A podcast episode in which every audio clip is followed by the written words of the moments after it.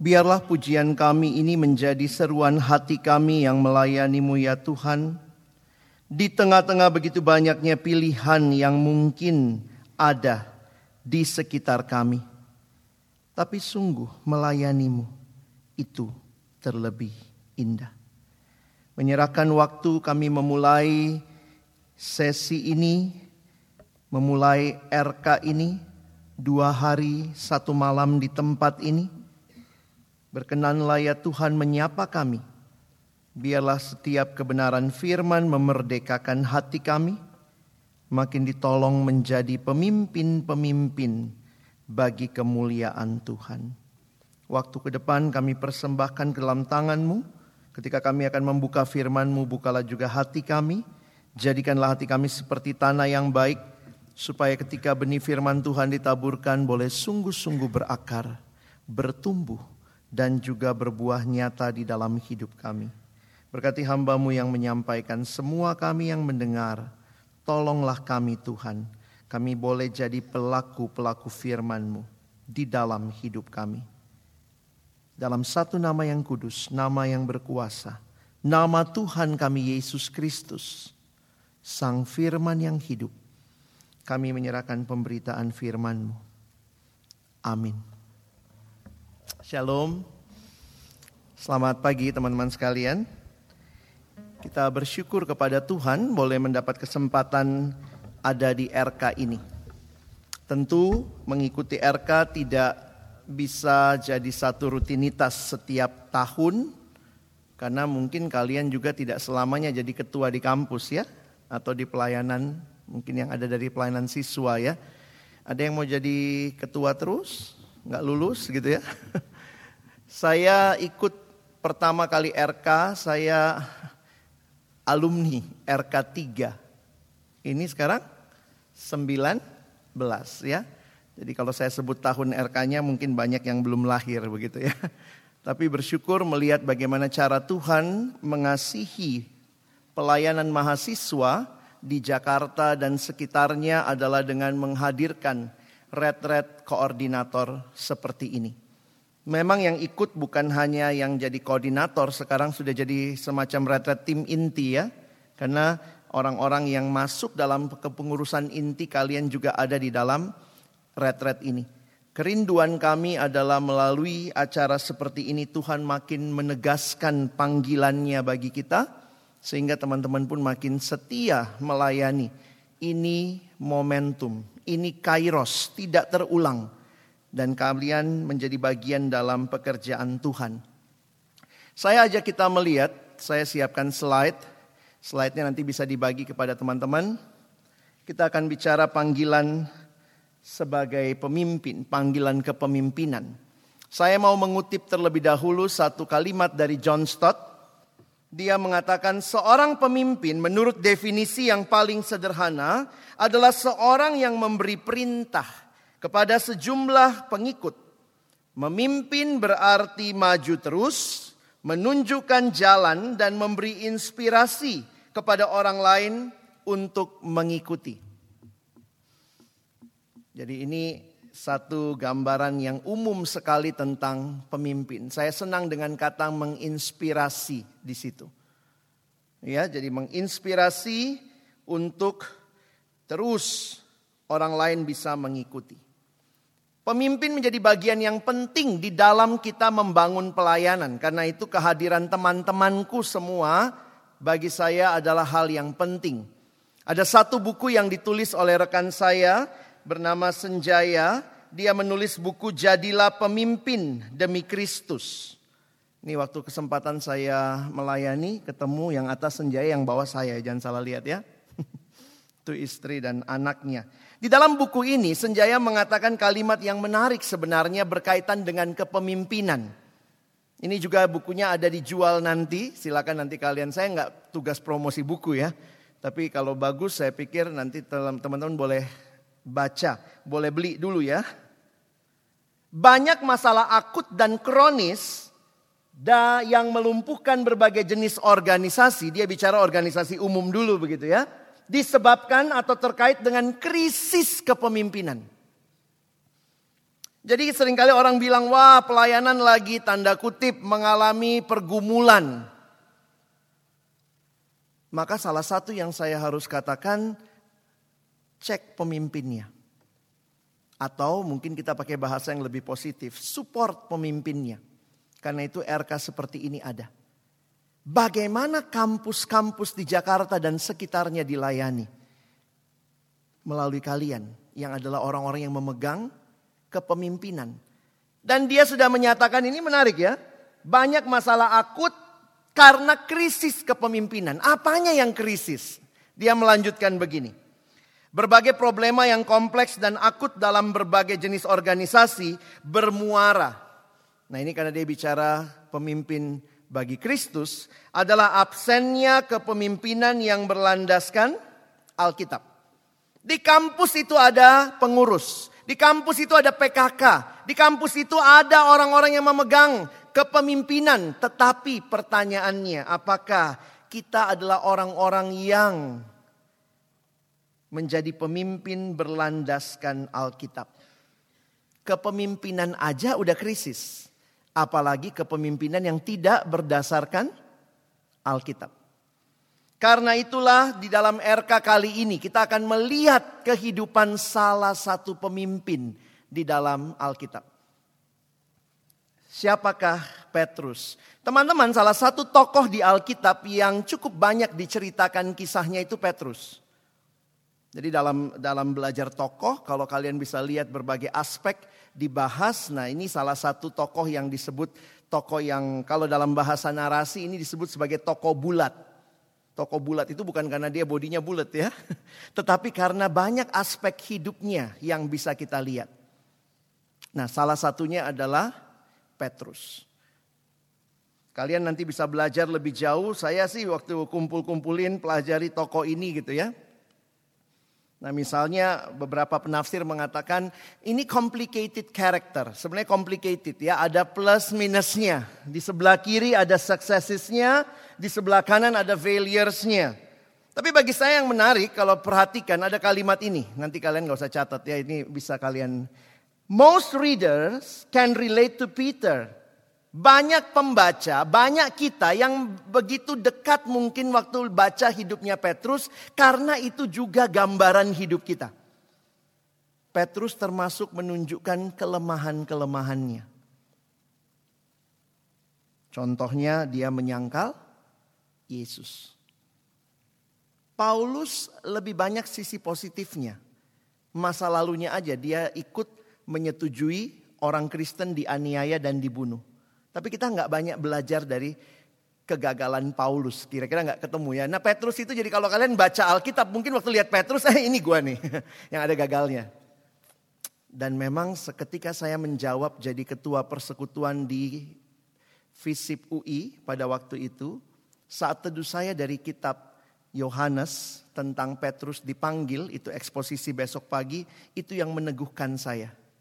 Waktu itu saya takut banget. Saya bilang Tuhan saya pernah gagal. Tuhan bahkan bukan cuma pernah, masih sering gagal. Tuhan tolong saya. Terus kemudian dapat ayat itu dan diteguhkan. Jadi pengalaman Petrus mungkin dekat dengan pengalaman kita. Jadi kalau saudara nanti perhatikan kalian bisa pelajari lebih jauh lagi tentang Petrus. Tapi saya akan mengangkat beberapa hal di dalamnya. Jadi Petrus sang rasul ini namanya sendiri artinya batu karang. Ya, rock di dalam bahasa Yunani.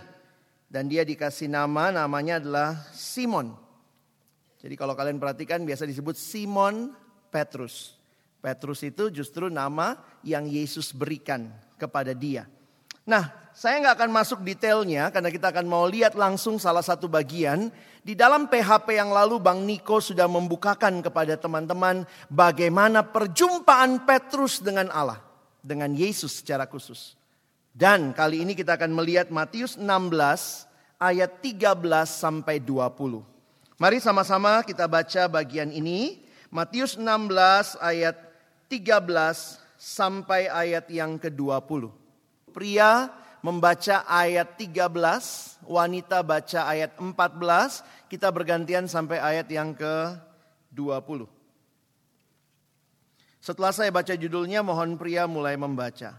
Pengakuan Petrus. Setelah Yesus tiba di daerah Kaisaria Filipi, ia bertanya kepada murid-muridnya, kata orang siapakah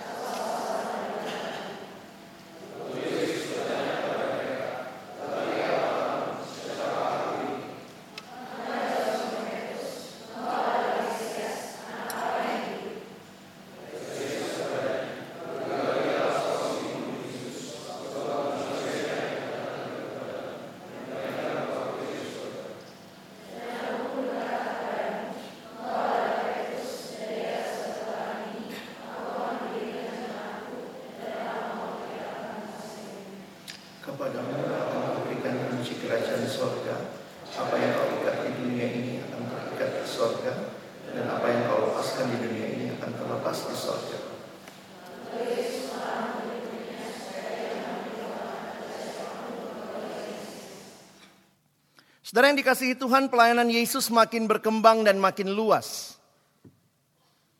Karena sesudah itu kalau kalian perhatikan mulai dari pasal 16 ke bawah ayat 21 mulai pemberitahuan pertama tentang penderitaan Yesus. Jadi saya sepakat dengan para penafsir mengatakan bahwa mungkin ini adalah Yesus sudah dua, tiga, dua tahunan lah pelayanan. Jadi sudah banyak orang yang mengenal Yesus. Kenapa ini penting sebagai latar belakang kita dalam tiga tahun pelayanan Yesus, dia makin dikenal. Awal-awalnya memang sedikit yang mengenal, tapi lama-lama pelayanannya makin tersebar. Perhatikan sebentar konteksnya. Setelah Yesus tiba di daerah Kaisarea Filipi. Di mana Kaisarea Filipi? Sedikit ini saya tolong kalian seperti berPA ya. Lihat peta Alkitab ini daerah atau ini adalah Danau Galilea, Sea of Galilee. Ini orang Yahudi kayak orang Batak juga gitu ya, bilang Danau Toba itu laut gitu ya. Padahal itu danau ya, Danau Galilea ya, danau. Lalu sebenarnya di atas sedikit 40 mil ke arah ini, ini di kaki Gunung Hermon ada kota Kaisarea Filipi. Kenapa konteks setting lokasi penting nanti kita lihat sama-sama. Tapi kalau perhatikan di daerah ini sebenarnya tidak banyak orang-orang yang percaya pada waktu itu. Atau Yesus sengaja sebenarnya meminta atau memilih lokasi ini. Atau kalau kita perhatikan bagaimana Yesus bertanya kepada murid-muridnya. Nah saya ingin mengambil aplikasinya dulu buat kita, apa sih yang mau kita pelajari dalam sesi pertama ini? Karena waktu saya terbatas, saya ingin mengajak teman-teman belajar dari hidup Petrus yang mengalami perjumpaan dengan Tuhan itu yang sudah Bang Niko bahas. Bagaimana hidup Petrus itu bersama dengan Tuhan, mengikuti Tuhan dan Tuhan membawa perubahan dan transformasi yang luar biasa. Nah, saya ingin mengajak kita belajar hari ini Pemimpin seperti apa sih yang dipanggil oleh Yesus? Kita udah baca ayat 13 sampai 20. Abang ingin bagi dalam dua bagian besar. Bagian pertama adalah kita lihat ayat 13 sampai ayat 17. Bagian kedua nanti kita lihat ayat 18 sampai 20. Ya. Nah, mari lihat sebentar bahwa ternyata saya yakin sih ya, nggak ada orang yang terlalu suka ujian. Ada yang suka ujian? Hah? Ada nggak? Bang, aku hobinya ujian. Ada gitu? Tapi yang menarik, Yesus kasih ujian loh sama murid-muridnya ya. Jadi setelah sekian lama ikut Yesus, Tuhan kasih ujian. Cuma dua soal. Ya, Lihat soal yang pertama. Ia bertanya kepada murid-muridnya, kata orang, siapakah aku ini? Dan kalau kalian perhatikan, bahwa Yesus yang saya katakan tadi makin dikenal dan makin dikenal, orang melihat pelayanannya, maka lihat jawaban-jawaban mereka. Ada yang mengatakan Yohanes Pembaptis, ada juga yang mengatakan Elia, ada pula yang mengatakan Yeremia atau salah seorang dari para nabi. Nah, mungkin kalian pikir kenapa jawabannya itu? Apa mereka asal jawab? Saya pikir tidak. Ketika melihat pelayanan Yesus, maka saya mengutip beberapa kalimat. Lihat di bawahnya ya. Kenapa mereka bilang Yohanes Pembaptis? Karena mungkin orang-orang ini melihat berita utamanya Yesus sama dengan berita utamanya Yohanes Pembaptis. Bertobatlah sebab kerajaan sorga sudah dekat. Jadi waktu lihat Yesus ini siapa? Ini Yohanes Pembaptis. Padahal di Matius pasal 16 Yohanes Pembaptis sudah mati. Ya? Jadi menarik nih. Mereka lihat, oh itu seperti Yohanes Pembaptis. Ada lagi yang berkata dia adalah Elia. Mujizat yang dilakukan Yesus mengingatkan mereka kepada cerita-cerita perjanjian lama. Salah satunya pasti cerita Elia. Tapi bukan hanya itu, di dalam konsep orang Yahudi, mereka mengharapkan Elia akan datang mendahului hari Tuhan. Ingat ya, Elia kan nggak mati, diangkat. Makanya orang Yahudi itu punya pengharapan mesianik akan balik lagi Elia. Di mana itu? Apa kitab terakhir di perjanjian lama? Ma, Maleaki. Sekarang buka Maleaki 4. Jadi jangan pikir mereka asal jawab enggak ya. Coba lihat Maleaki pasal 4. Apa judulnya? Apa judul perikopnya? Hari Tuhan. Perhatikan ayat 5. Ayo yang sudah ketemu baca sama-sama Maleakhi 4 ayat 5. Satu dua ya. Sesungguhnya aku akan mengutus Nabi Elia kepadamu menjelang datangnya hari Tuhan yang besar dan dahsyat itu. Jadi ada yang melihat Yohanes Pembaptislah Elianya. Ada juga yang melihat Yesus itulah Elia. Ada yang mengatakan dia Yeremia. Apalah persamaan Yesus dengan Yeremia? Di dalam perjanjian lama kita bisa melihat Yeremia biasa disebut sebagai the weeping prophet. Nabi yang meratap. Karena itu gereja mengakui bahwa kitab ratapan ditulis oleh Yeremia. Itu ratapannya Yeremia akan kehancuran Yerusalem. Nah ketika itu mereka melihat ini nabi yang meratap yang punya belas kasihan begitu dalam untuk Israel. Dan mereka lihat itu juga di dalam pelayanan Yesus. Berkali-kali dikatakan Yesus berbelas kasihan. Saya pikir itu pasti nggak bisa ditutupi ya. Terlihat, nyata, nampak. The weeping prophet. Atau juga mereka mengatakan Yesus salah satu dari para nabi. Walaupun nggak mau bilang nabi yang mana. Jadi jawaban-jawaban ini, ini soal ujian nomor satu. ya. Menurut orang banyak, siapakah aku? Tapi soal kedua, getting personal. Teman-teman lihat pertanyaannya apa? Apa katamu, siapakah aku ini?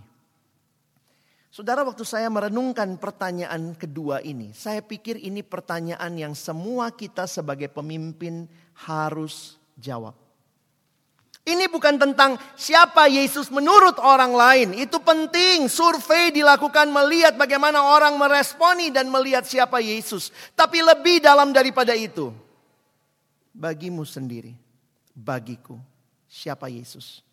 Karena siapa Yesus itu akan menentukan bagaimana kita meresponinya. Kalau dia cuma guru, ya udah kita dengar aja pengajarannya kalau dia cuma manusia biasa, kamu pun memperlakukan dia sebagai manusia biasa. Kalau dia cuma nabi, ya sudah, dia cuma nabi. Pertanyaan ini, pertanyaan bagi para pemimpin. Jawaban Simon Petrus mewakili para murid. Kadang-kadang saya pakai istilah mewakili karena memang Petrus ini kadang suka cepat ngomong ya. Petrus tuh kayak gitu ya, ngomongnya duluan gitu. Beberapa kali Yesus ngomong apa dia langsung jawab, dia langsung jawab. Orang tuh macam-macam, ada yang mikirnya cepat, ngomongnya cepat. Saya gitu tuh, mikir cepat, ngomong cepat. Ada yang mikirnya cepat, ngomongnya lambat. Ada lagi yang mikirnya lambat, ngomongnya cepat. Ada lagi yang mikirnya lambat, ngomongnya lambat. Ada yang nggak mikir ngomong. Kamu yang mana tuh? Petrus nih gitu ya. Langsung dia jawab nih. Engkau adalah Mesias, anak Allah yang hidup. Teman-teman ini gambaran yang menarik untuk kita perhatikan kalau kita gali sama-sama. Ada ada bagian yang penting untuk kita pahami dan di sinilah bagi saya konteks jadi penting. Masih ingat ini ditanya Yesus di mana? Di Kaisaria Filipi. Apa sih latar belakang kota Kaisaria Filipi? Waktu kita membaca sejarah, sejarah menyatakan bahwa kota Kaisaria Filipi ini adalah kota yang dikenal dari masa lampau, perjanjian lama ini kota penyembahan Baal. Baal itu dewa kesuburan ya. Baal itu bukan Bang Alex ya. saya sering kali dikatain gitu, Baal, Baal gitu ya. Jadi kalau saya Baal sembahlah saya gitu ya. Baal itu adalah dewa kesuburan. Lalu kemudian hari kota ini mereka menyembah dewa hutan namanya Pan, dewa Pan. Itu salah satu dewa di dalam sembahannya orang orang Yunani. Lalu kemudian terakhir di masa Yesus ini jadi sembahannya atau kota ini menyembah kaisar. Makanya kalau kita perhatikan menarik sekali, dulu nama kota ini sebenarnya adalah Paneas, berkaitan dengan dewa yang disembah. Lalu kemudian diganti jadi Kaisaria Filipi. Ini diganti oleh Filipus, anak dari Herodes. Yang mengganti kota itu dengan dua nama. Pertama adalah dia sangat mengagungkan Kaisar Agustus jadi dia menggantinya menjadi Caesar sebagai penghormatan dia kepada Kaisar Agustus dan dia taruh namanya. Makanya jadi Kaisarea Filipi. Ini beda dengan kota Filipi yang disurati Paulus. Beda ya? Itu ada di wilayah Makedonia. Ini ada di masih dekat itu ya. Dari Yerusalem di bawah sedikit itu naik paling atas daerah Kaisarea Filipi. Bahkan sejarah menuliskan sampai hari ini nama kotanya modern, kalian bisa cari mungkin mau jalan-jalan ke sana ya. Nama kotanya itu Baneas sekarang. Nah, ada kuil besar untuk menyembah dewa di sana. Kuil besar inilah yang ada menyembah dewa di sana dan Tuhan Yesus bertanya, "Menurut kamu, siapakah aku?" Banyak penafsir mengkaitkan ini dengan bagaimana Yesus mengkontraskan di tempat di mana dia tidak disembah, di tempat di mana orang menyembah yang bukan Allah. Dan di situlah pengakuan Petrus menjadi hal yang menarik sekali. Perhatikan tiga nama ini. Engkau adalah Mesias. Mesias ini menunjuk kepada perannya Yesus. Coba lihat di Alkitabmu, Mesias itu apa? Yang bawa Alkitab cetak ada tuh di belakang di kamus. Mesias itu apa? Coba lihat sebentar. Mesias. Disuruh lihat Kristus. Nah, saya udah tahu jadi saya langsung buka Kristus ya. Coba lihat Kristus. Yuk, baca sama-sama Kristus ya. Saya bacakan buat kita. Kristus, terjemahan Yunani dari kata Ibrani Masyiah. Jadi bahasa Yunani Masyiah atau Mesias atau bahasa Arabnya Al Al-Masih. Artinya yang diurapi oleh Tuhan. Jadi Yesus disebut Kristus karena dialah yang dipilih Allah menjadi penyelamat dan Tuhan. Jadi itu bukan namanya, jadi bukan marganya itu. Yesus marga Aha Kristus, bukan. Bukan marganya itu. Yesus Kristus, Yesus Sang Mesias. Dialah yang dipilih Allah menjadi penyelamat dan Tuhan. Memang pada akhirnya nama itu melekat jadi seperti nama diri. Jadi kalau orang nanya siapa namanya Yesus Kristus. Nah apa yang menarik kalau kalian perhatikan bahwa dialah Mesias. Lihat pengakuan Petrus ini. Makanya pengakuan ini sangat luar biasa di dalam gereja. Dia adalah Mesias, dia adalah anak Allah. Yang kedua anak Allah. Son of God. Sebenarnya bahasa Inggrisnya lebih unik ya. Karena dia kaitin sama yang ketiga. Son of the living God. Kata anak itu menunjukkan dia punya ciri yang sama dengan bapaknya. Anak bukan bicara hubungan biologis. Coba kalau ditanya kamu, kamu anak mana? Ih itu anak UI. Emangnya orang langsung nanya, mana mama UI-nya? Orang goblok aja yang begitu kan? Anak punya kualitas yang sama. Ini anak tangga misalnya orang ngomong begitu ya. Orang nggak nanya mana papa tangga. Papa tangga selingkuh sama siapa? Jadi orang zaman itu begitu mendengar istilah anak Allah, makanya Yesus disebut blasphemy. Dia menghujat ketika orang-orang yang ahli-ahli Taurat itu mendengar dia mengaku dirinya anak Allah. Ada yang bilang, Yesus kan gak pernah ngomong di Alkitab dia Allah. Dia ngomongnya anak Allah, sama itu. Anak menunjukkan kualitas bapaknya. Jadi ada kualitas yang mirip. Dan ini mau menyatakan apa? Kalau yang pertama menyatakan apa yang jadi tugas dia. Dia Mesias. Yang kedua menyatakan keilahian dia. This Jesus is not only prophet. He is God himself. Dan kalimat terakhir jadi memang kalau dipisah jadi unik ya. Yang hidup. Sebenarnya son of the living God. Allah-Allah yang mati di Paneas. Allah-Allah yang mati di Kaisaria Filipi. Kaisar yang dipuja, yang bisa mati juga. But Jesus, He is the Son of the living God. Wow, ini pengakuan yang luar biasa teman-teman. Dan bagi saya, di sinilah menandakan sebenarnya apa yang perlu teman-teman dan saya yakini ketika pertanyaan yang sama ditanyakan kepadamu. Yang memanggil kamu melayani bukan pengurus sebelumnya, bukan tim regenerasi, tapi Allah yang kamu akui dia adalah Mesias, berarti dia Tuhan dan Juru Selamat. Dia Allah sesungguhnya, dia Maha Kuasa, dia Allah yang juga hidup, karena itu dia sanggup berkarya menyertaimu dalam pelayanan. That's why we need to answer the same question. Menurut kamu, siapakah aku? Kata Yesus. Dari titik ini akhirnya kalau kita perhatikan menarik sekali. Yesus berkata kepada Simon, berbahagialah engkau Simon bin Yunus. Berarti bapaknya namanya Yunus. Banyak yang bingung, kenapa Yunus? Nanti kalau kita baca Injil Yohanes dibilang bapaknya Yohanes. Simon anak Yohanes. Tapi memang Yunus sama Yohanes dari kata dasar yang sama. Ya, kedengeran mirip kan? Yohanes, Yunus. jadi memang kalau ada yang mengatakan ya dalam bahasa. Jadi Yunus itu ada yang mengatakan itu shorten version of Yohanes. Kayak namamu lah Edward dipanggilnya Edi. Eh, gitu ya.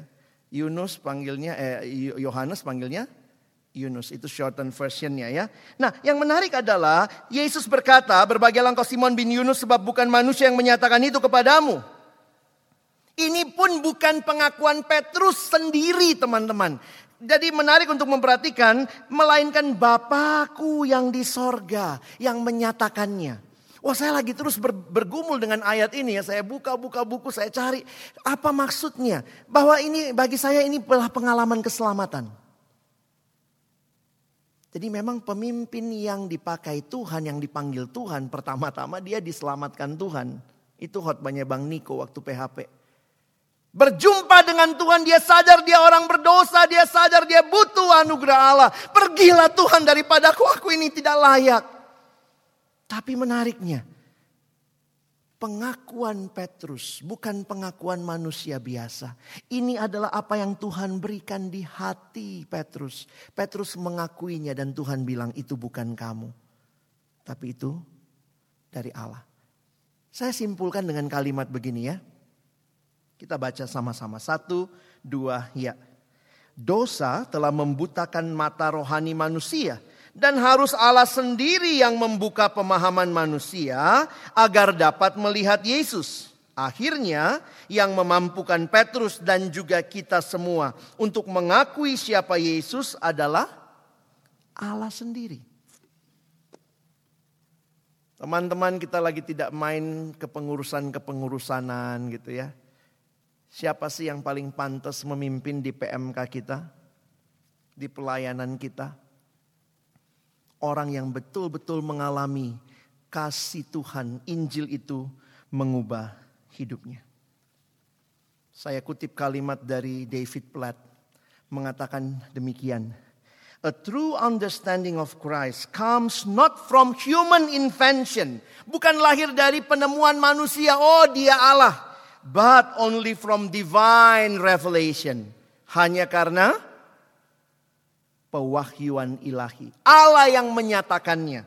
Sehingga di sinilah kita melihat betapa luar biasanya. Orang yang mengalami Allah menyatakan kepada dirinya. Allah menyelamatkan dia, dia bisa mengaku Yesus adalah Tuhan. Berarti orang-orang yang mengalami relasi yang intim dengan Tuhan. Jadi pertanyaan yang tadi kita tanyakan saya mau jawab sekarang. Siapa pemimpin seperti apa yang dipanggil oleh Yesus? Yang Yesus panggil dari bagian ini kita belajar adalah pemimpin yang kenal Yesus secara intim. Leader who know Jesus intimately. Apakah engkau dan saya betul-betul terus kenal Tuhan? Waktu kalian jadi pengurus, jadi ketua, jadi koordinator, jadi tim inti, kalian adalah orang yang terus mengalami relasi dengan Tuhan secara intim. Jangan-jangan kualitas PMK bisa menurun karena ketuanya pun mungkin tidak mengalami api yang begitu berkobar-kobar dari Tuhan. Ini bukan sesuatu yang manusia bisa nyatakan, bukan dibuat-buat. Kita gampang berpura-pura, tapi hati yang terdalam, semangat yang membara, saya pikir hanya Tuhan sumbernya. Mau PM kamu maju? Tanya dirimu kualitas pemimpin seperti apa. Kau betul dipanggil Tuhan, maka kau akan meresponinya. Kaulah Mesias anak Allah yang hidup. Aku bisa mengaku ini Tuhan bukan karena aku pintar, aku mampu. Tapi Tuhan engkau yang menyelamatkan aku. Sekarang pakai aku melayani jemaatmu. Kualitasmu mempengaruhi kualitas PM kamu. Dengar kalimat saya baik-baik. Kualitasmu mempengaruhi kualitas PM kamu. Seringkali kita nggak usah lihat dulu siapa pemimpinnya. Lihat PMK-nya begini, mungkin orang bisa simpulkan, oh pantas pengurusnya nggak serius sih. Yang kedua, ayat 18 sampai 19, jadi pertanyaan buat kita, kualitas apa lagi yang Tuhan mau? Mari lihat ayat 18 kita baca lagi ya. Satu dua ya. Dan aku pun berkata kepadamu, engkau adalah Petrus dan di atas batu karang ini aku akan mendirikan jemaatku dan alam maut tidak akan menguasainya. Sepanjang sejarah banyak perdebatan apa yang dimaksud di atas batu karang ini. Karena sebenarnya istilah yang dipakai ini adalah istilah yang seperti ada permainan kata. Nama Petrus sendiri artinya batu karang. Lalu dikatakan di atas batu karang ini, ya. Dan jadi kalau kira-kira dalam bahasa aslinya ya. Dan aku pun berkata kepadamu engkau adalah Petros. Aslinya begitu. Dan di atas Petra ini aku akan mendirikan jemaatku. Jadi jadi ini unik ya untuk kita pikirkan. Siapa sih Petrus? Apakah hanya Petrus yang Tuhan pakai menjadi dasar membangun segalanya? Di dalam sejarah gereja kita melihat bahwa Tuhan memakai bukan hanya Petrus. Ada peran Petrus, ada. Tapi bukan hanya Petrus. Saya telusuri sedikit waktu bicara Efesus pasal 2 misalnya. Kalian lihat, Yesus itu batu penjuru, cornerstone, dibangun di atas dasar para rasul dan para nabi. Jadi kalau kita lihat gereja, ini cara Paulus menjelaskan. Gereja itu batu penjurunya Yesus dibangun di atas dasar para rasul dan para nabi. Berarti tidak eksklusif Tuhan hanya bangun lewat Petrus. Bahkan di dalam bagian lain surat Petrus sendiri. Petrus menyatakan ini teman-teman ya. Dan biarlah kamu juga dipergunakan sebagai batu hidup Bahasa Inggris menggunakan istilah living stone bagi pembangunan suatu rumah rohani, bagi suatu imamat kudus untuk mempersembahkan persembahan rohani yang karena Yesus Kristus berkenan kepada Allah. Jadi pertanyaan yang digumulkan di atas batu karang ini, batu karangnya siapa? Pasti Petrus karena dia yang mengawalinya. Tapi waktu saya teliti lagi, pelatikan konteksnya, saya harus mengatakan batu karang itu bisa siapa saja dengan pengakuan yang sama. Tuhan pakai Petrus di masanya. Dia mengaku engkau adalah Mesias anak Allah yang hidup. Tuhan pakai kamu di generasi ini. Bangun PM kamu dengan pengakuan engkau yang berkata Tuhan engkau Mesias anak Allah yang hidup. Wow, saya kagum waktu menghayati konsep ini. Di atas diriku Tuhan membangun. Karena gereja itu adalah kumpulan orang-orang yang punya pengakuan yang sama. Ini bukan eksklusif milik Petrus. Bahkan Petrus sendiri berkata bahwa dia memakai atau ada batu-batu hidup yang dipakai untuk pembangunan rumah rohani.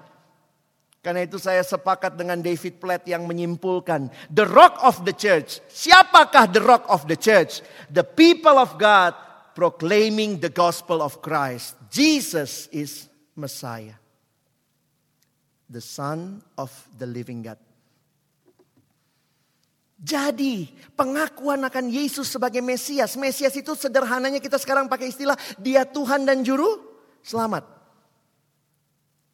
Tuhan mau bangun PMK-nya di atas kalian teman-temanku. Yang mengakui dia. Yang berarti dengan segenap hati mengatakan Tuhan aku mau membangun umatmu. Bagaimana cara bangunnya? Kita memberitakan Injil supaya orang itu pun mengakui hal yang sama. Yesus adalah Tuhan dan Tuhan sedang membangun memakai banyak batu-batu hidup untuk pembangunan kerajaan Allah dan Tuhan sedang mulai di PM kamu. Tuhan pakai kamu, Tuhan pakai PKK di tempatmu. Tuhan pakai orang-orang yang akan membangun tubuh Kristus. Dan Mesias itu diingatkan, Dad cannot stop this Messiah. Alam maut tidak akan menguasainya. Luar biasa. Mau menyatakan, bukan Petrusnya yang tidak dikuasai alam maut. Tapi Mesias yang Petrus akui itu yang tidak akan tergeser oleh alam maut. Di sini saya melihat kepemimpinan gereja bukan milik satu orang. Tapi setiap orang yang mengakui Yesus sebagai Tuhan dan Juru Selamat, dia adalah bagian dari batu hidup yang Tuhan pakai membangun. Dan can you imagine Tuhan lagi bangun pelayanan di kampusmu. Karena engkau adalah pemimpin-pemimpin yang mengakui dia. Lebih jauh lagi, kepadamu akan kuberikan kunci kerajaan sorga. Eh, emang kerajaan sorga ditutup ya? Pakai kunci masuknya. Emang kayak ruangan ini. Nah ini figuratif tentunya ya. Apa yang kau ikat di dunia ini akan terikat di sorga. Apa yang kau lepaskan di dunia ini akan terlepas di sorga. Apa maksudnya? Ini bicara otoritas.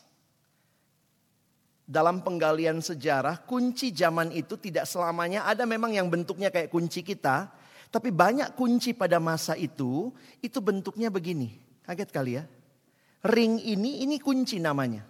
Maksudnya ini otoritas. Jadi itu dipakai begitu rupa. Makanya di dalam beberapa tradisi biasanya kalau ketemu pemimpin yang dicium tangannya ya. Karena ada, ada cincinnya. Maksudnya apa? Pemimpin ini punya otoritas. Apa yang dia ikat, terikat. Apa yang dia lepaskan, dilepaskan. Beberapa orang mengkaitkan ini dengan pelayanan Petrus. Perhatikan apa yang Petrus mulai di kisah Rasul 2. Injil terbuka bagi bangsa-bangsa, didengar banyak bangsa. Di dalam kisah Rasul 10 di rumah Cornelius, Tuhan pakai Petrus. Tapi sebenarnya otoritas ini bukan hanya milik Petrus saja ya. Saya kalimat David Platt lagi. Christ gives his authority to the church. Kalian pun, kita pun yang mengakui dia sebagai Tuhan dan Juru Selamat. Kita diberikan otoritas. Doamu sama sama doa pendeta. Jangan merasa kayak kurang rohani gitu ya. Beberapa kali ada yang kerasukan setan baru panggil hamba Tuhan. Kalau setan-setan aja kami. Ya kau juga bisa hadapin. Dalam nama Yesus keluar. Kau punya otoritas karena kau mengaku Yesus sebagai Tuhan dan Juru Selamat. Dan ingat, your Messiah will never die. Jadi pemimpin seperti apa yang dipanggil Yesus? Pertama tadi, pemimpin yang kenal dia secara intim. Nah yang kedua dari ayat 16 sampai 18 adalah pemimpin yang memproklamasikan Yesus dengan berani. Harusnya itu yang terlihat di dalam pelayanan mahasiswa. Ada pemimpin-pemimpin yang berani menyatakan dia Yesus yang berkuasa. Tinggikan namanya. Program-program terarah ke sana. Sampaikan Yesus yang sudah bangkit dan menang itu. Beritakan. Karena engkau dan saya dipanggil untuk meneruskan berita yang sama. Kesimpulan kita hari ini. Pemimpin seperti apa yang dipanggil Yesus? Pemimpin yang kenal Yesus secara intim dan memberitakan Yesus dengan keyakinan. Kalau kamu nggak yakin Yesus berkuasa, maka mungkin persekutuan doa di kampusmu cuma lagi main doa-doaan aja. Rutinitas berjalan harus ada PD. Eh, PD itu banyak kali saya lihat ini PD-nya sebenarnya kuasanya ada nggak ya? Saya pikir kuasanya bukan dari orang lain, dari kalian yang di dalamnya. Apakah meyakini Yesus berkuasa? Yang saya doakan Tuhan ini penting. Buka hati mahasiswa baru supaya mereka kenal Tuhan. Ada lutut yang bertelut, tapi juga hati yang percaya bahwa Tuhan engkau sanggup mengerjakan. Bukan kami, tapi engkau Tuhan. Apakah engkau berani memproklamasikan dengan keyakinan Yesus yang bangkit itu? Kualitasmu dalam pengenalan akan Yesus, kualitasmu dalam memproklamasikan Yesus yang bangkit dan menang itu akan mempengaruhi pelayanan di kampusmu. Jangan harap orang lain yakin. Kalau pemimpinnya aja nggak yakin.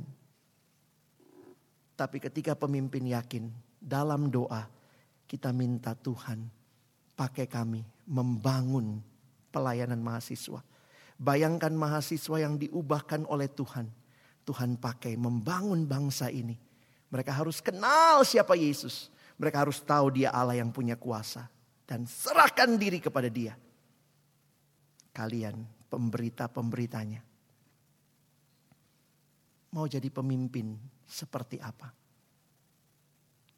Jawab di hadapan Tuhan.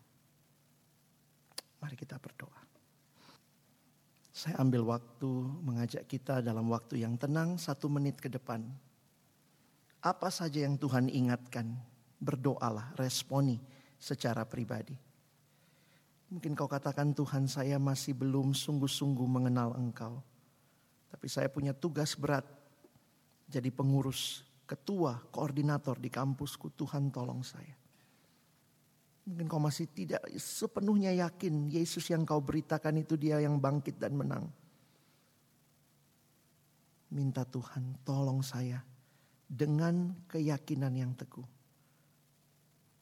bukan hanya terpancar dalam kalimat-kalimatku, tapi dari hati yang terdalam lahir berbagai hal dalam kepemimpinanku yang menyatakan engkau sungguh hidup. Mari ambil waktu ini untuk berdoa. Tuhan terima kasih buat firman-Mu. Biarlah kami pun yang mendengarnya diteguhkan. Kami menjawab pertanyaan-Mu Tuhan menurut engkau siapakah aku? Kami menjawab dengan keyakinan bukan karena pemikiran kami, kepintaran kami, tapi karena engkau yang sudah menyatakannya. Dan kami percaya membawanya dalam hidup kami, dalam berita kami, proklamasi kami. Tuhan tolong kami, mampukan kami. Kami bersyukur dalam nama Yesus kami berdoa. Amin.